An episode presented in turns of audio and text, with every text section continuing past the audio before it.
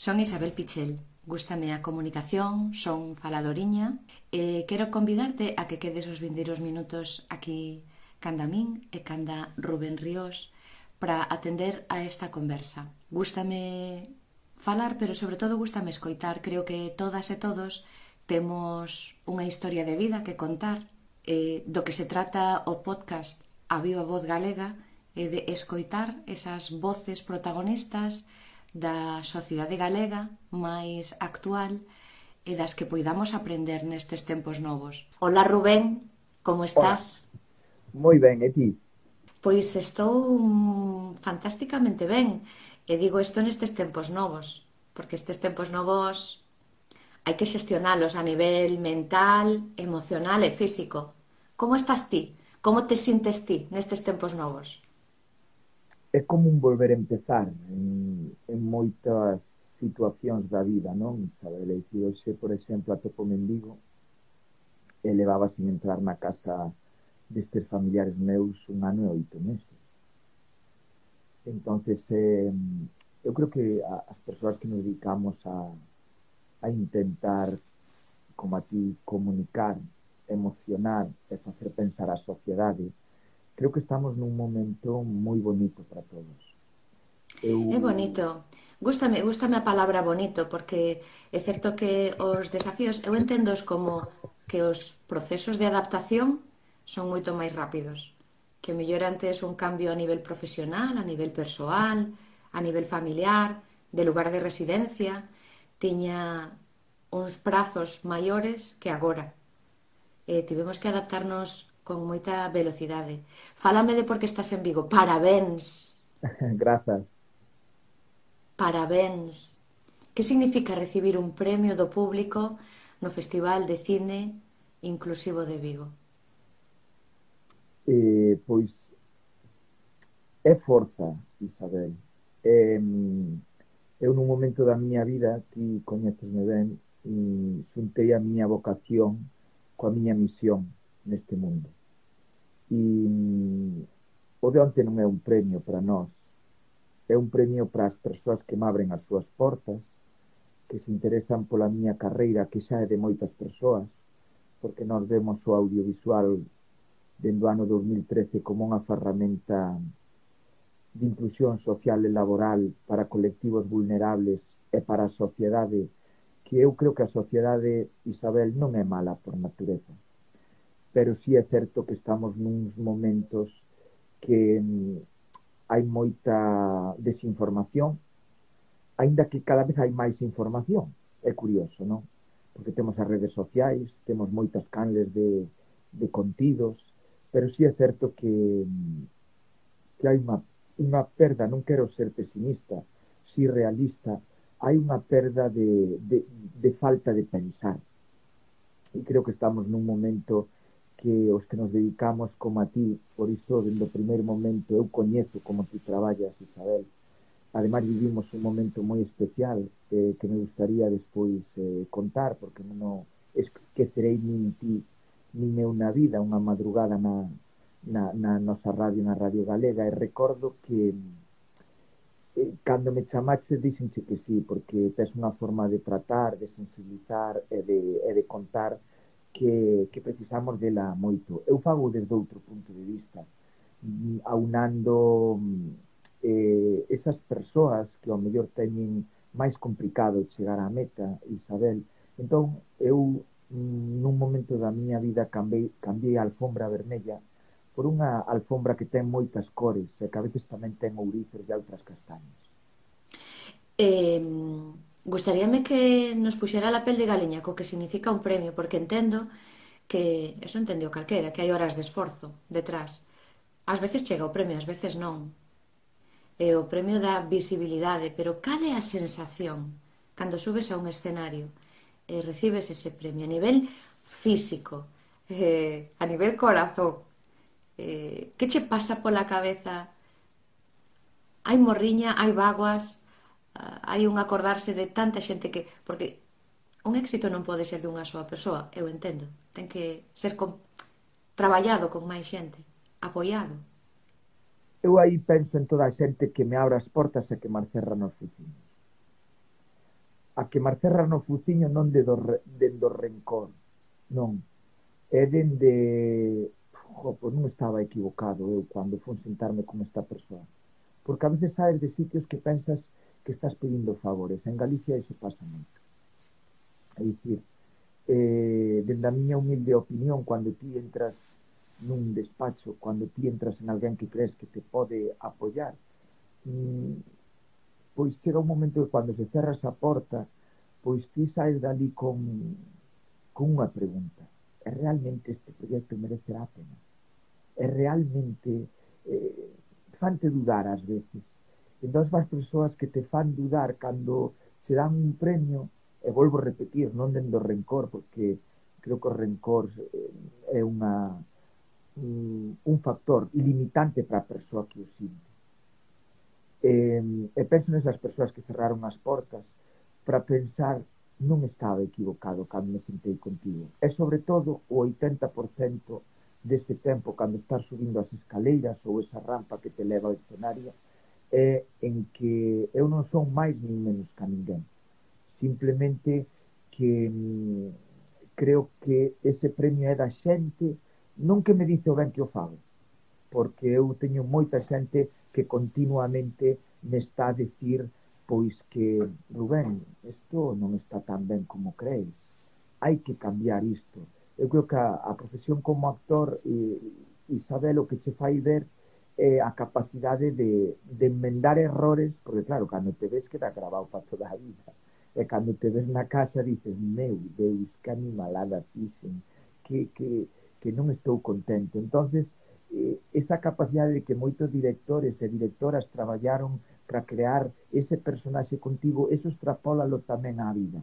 Entón, cando che dicen que algo non está ben ou non o mellor que deberías, eh, si traballaches para que o ego non estivese moi presente en ti, que todo artista temos algo de, de ego, é cando te das conta de que día a día se pode mellorar e de que eses premios e esas sensacións da, pola que ti me preguntabas agora, pois levante a agradecer a todas esas persoas que, que están aí, dicindoche eh, e apoiándote eh, eh, ao fin e ao cabo sentindo contigo e acompañándote neste camino.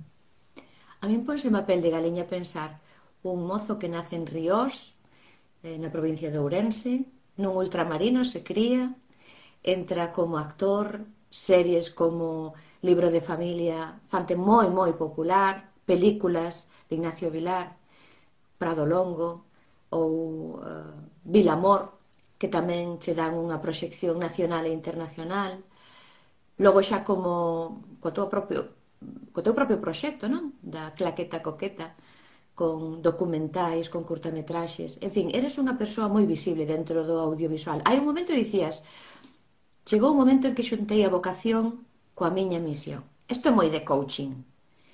En que momento chega unha a darse conta diso? Porque creo que estes son momentos, tanto na nosa idade como xente máis nova ou incluso maior, que esta cousa bonita que dicíamos, son momentos de dicir, bueno, e con todo que sei, onde está a miña vocación?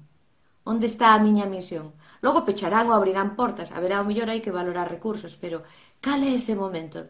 Rubén, no que ti dis, deixo de ser Rubén Rodríguez, son Rubén Ríos, e isto é un motor interior que non podo parar. No ano 2013, no ano 2013, acabo o libro de familia, eh, despois de 10 anos, como ti ben dices, libro de familia, pois, bueno, mm, libro de familia me deu a posibilidade que a xente cando me pola rúa bota un sorriso, Isabel. E entón está predisposta a saber de ti. Entonces, cando a, eh, a digamos que a tele te adentras día a día, semana a semana, na casa dos nosos galegos e galegas, chega un momento que mm, están predispostos a saber. E cando a xente está predisposta a saber e a escoitarte, mm, é cando ti tes que, mm, que escoitar máis que nunca. A min gusta o teu traballo porque te, és unha periodista que escoita moito e moi ben. E antes o dicías, pero eu das entrevistas que me levas feito, pois eh, din fe e dou fe delo. Entonces no ano 2013 eu eh, lle digo ao meu equipo que quero facer unha curta metraxe con persoas con discapacidade. Cando no noso país aínda non se profundizara nese tema, había algún precedente, pero aínda non ca volta que lle deramos nós, e entonces eh, eu entro nunha sala de 15 persoas con distintas discapacidades, eh, dicen que a ignorancia é moi atrevida, eu pequei diso, Eu entrei ali para facerlles un favor nun primeiro momento, para compartir tempo con eles, que se alegraran de ter unha persona coñecida ao lado deles, de ensinarlles a, de facerlles a, e, bueno, aos dous meses levei unha lavazada de, de realidade bastante grande. Eu, bueno, estaba aprendendo, eh, me estaban educando en eh, unha faceta que na miña infancia meus pais me deron moi bons valores aos veciños e veciñas de Ríos nese ultramarinos do que falabas antes, pero mm, non me axudaran, ni me educaran, ni me ensinaran a relacionarme ca diferenza humana. Que aprendes das persoas que están etiquetadas por algún tipo de discapacidade? Porque se, segues na liña dos documentais, tan interesantes, baixo meu punto de vista necesarios, para darlle unha visibilidade que non ten o mellor unha sociedade esta que tiñamos antes da pandemia, consumista, rápida, competitiva, eh, eh, a túa ollada é de párate, escoita, aquí hai moito que aprender, ti que aprendes? Eu aprendín eh, a relacionarme mellor que, que as persoas máis diferentes e menos diferentes ao fin e ao cabo, cando eh, che vai ben no teu traballo e, e conectas coa túa vocación e empezan a sair as cousas, date conta que eu na miña infancia sentime mm, un alumno frustrado. E entonces eu esa frustración había na cara de moitas das persoas que, que cas que no 2013 empecé a, a traballar pois residos por un sistema que todos temos que ter os mesmos tempos as mesmas velocidades e cumprir os mesmos obxectivos. entonces eu sentíme mirando a esta xente cando eu xa tiña trinta e pico anos como me miraban a min con doce, Isabel. E entonces eu dixen, Entendiches que, que facer eu? Claro, que formaba parte da tua misión eso que fora un sentimento propio Tal vez no fondo hai un algo de que non lle pase o mesmo que me pasou a mí. Non nesa parte emocional. Aí hai moito motor. Non? A inteligencia emocional é o, é o amor é o que move o mundo. E nesas, nesas continúas, porque arrieiros somos é volver a pararnos a escoitar as persoas cheas de sabiduría e que deixáramos fora desa velocidade de vida loca que tiñamos antes da pandemia. Sí, eh, e a parte de deixalas fora dese ritmo de vida, os datos da pandemia eh, son brutales na, na terceira idade. É dicir, e eu empecé a vivilo na miña casa. Miña nai, unha muller moi vital, meu pai, un home moi emprendedor no ámbito do rural, pois nada, empecé a ver que eu empezaba a ser o seu, pa, o seu pai empecé a darme conta de que empezaba a ser o pai de meus pais. E que quedaban meses por diante de estar na casa, quedaban meses de que me iban a facer preguntas que eu non tiña resposta, aínda que a queríamos ter todos, cando acabará isto, isto pasará, cando chegará a vacuna, eh, aquí non vai a chegar, todo iso que queríamos creer para, bueno, para mm, poder levantarnos, polo menos, cun sorriso, aínda que estiveramos dentro das nosas casas. E eu aí, con Arrieiro, somos fixen unha pregunta. Eh, despois de vida e máis ca vida, eles cambiaronme a forma de ver a vida, estas persoas, pero eh, é certo que eu quería utilizar todo ese aprendizaxe, porque nós tamén, o meu equipo máis eu e o proxecto a vida a moitos deles e incluíndoos laboral, xa non só socialmente, no caso de Mónica Ferreiro, a protagonista de Mais Cabida, dicíanos que non sabía memorizar e hoxe fai xa tres anos aprobou unha, bueno, dous ou tres anos aprobou unha oposición a, ao ámbito sanitario en Galicia. Entonces foi intentar acercarme nese momento ás persoas que gracias a eles eu puiden estar en libro de familia, que gracias a eles puiden facer máis cabida vida e que gracias a eles pois eu son hoxe o este este rapaz do, do rural galego que ten unha mezcla entre memorias dun neno labrego e, e unha mezcla de, bueno, de un rapaz creativo que quere, digo rapaz porque eu alimento moito neno que levo dentro día a día, Isabel. E aí é cando digo eu que podo facer eu para sobre todo escoitar, empoderar a este estas persoas do rural galego que o teñen que estar pasando agora mm, bastante mal.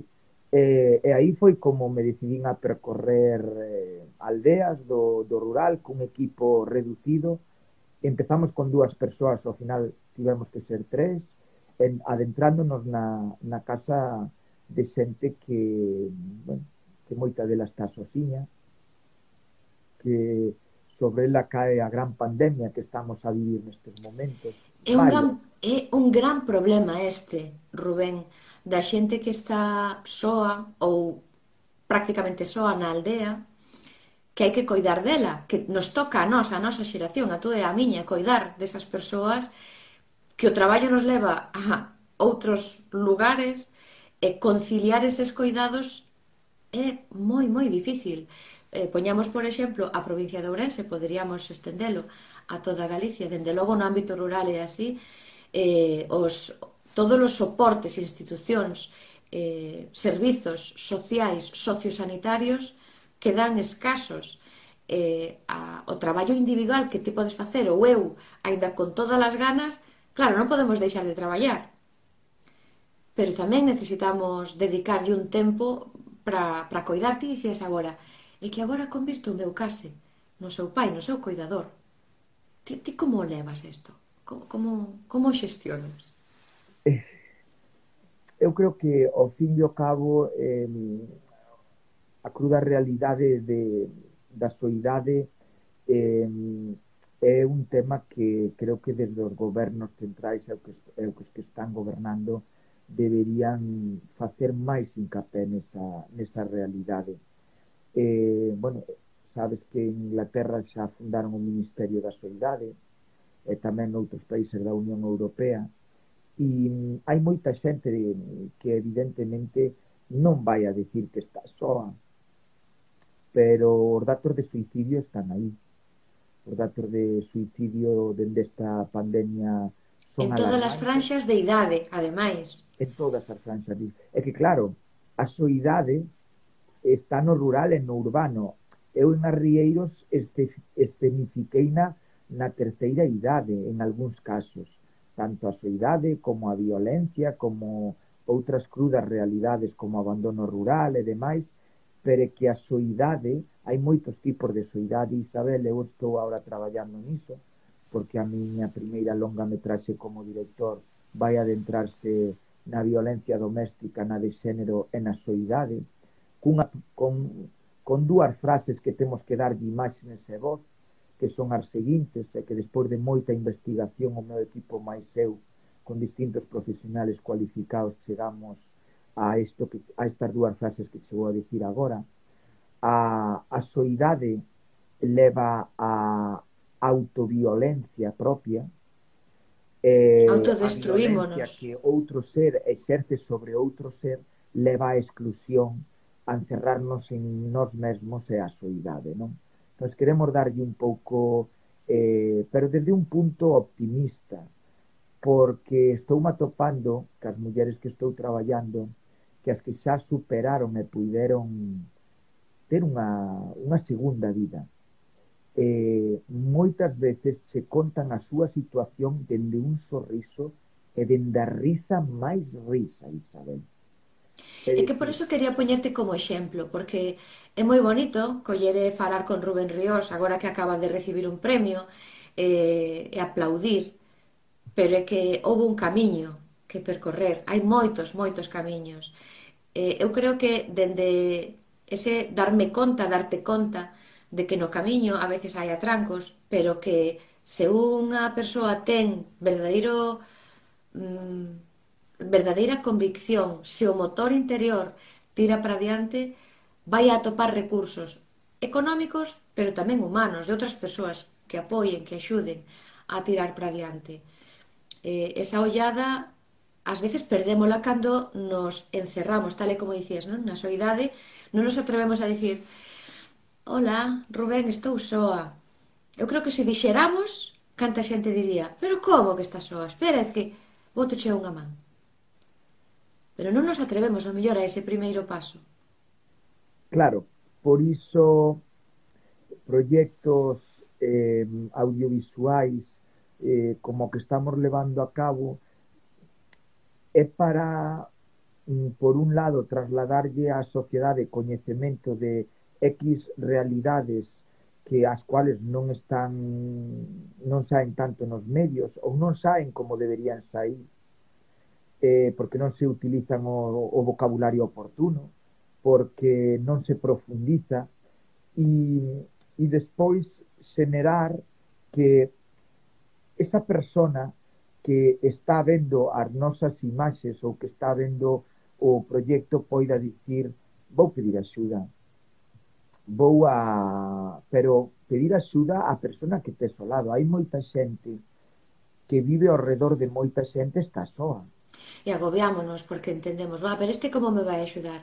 Pero o feito de verbalizalo fai que se esa persoa non te pode axudar, vai a súa vez a mover a outra persoa e a outra e a outra ata que finalmente chegue algún tipo de axuda, que non podemos quedar aí desesperados. Eu tiven vivencias de estar no fondo do pozo eh, cando cheguei a darme conta de que dai para baixo xa non, xa non podía caer máis, Hai que, que todo o que podía, arriba. todo o que quedaba era mirar para arriba. Rubén Ríos, grazas e ata a próxima.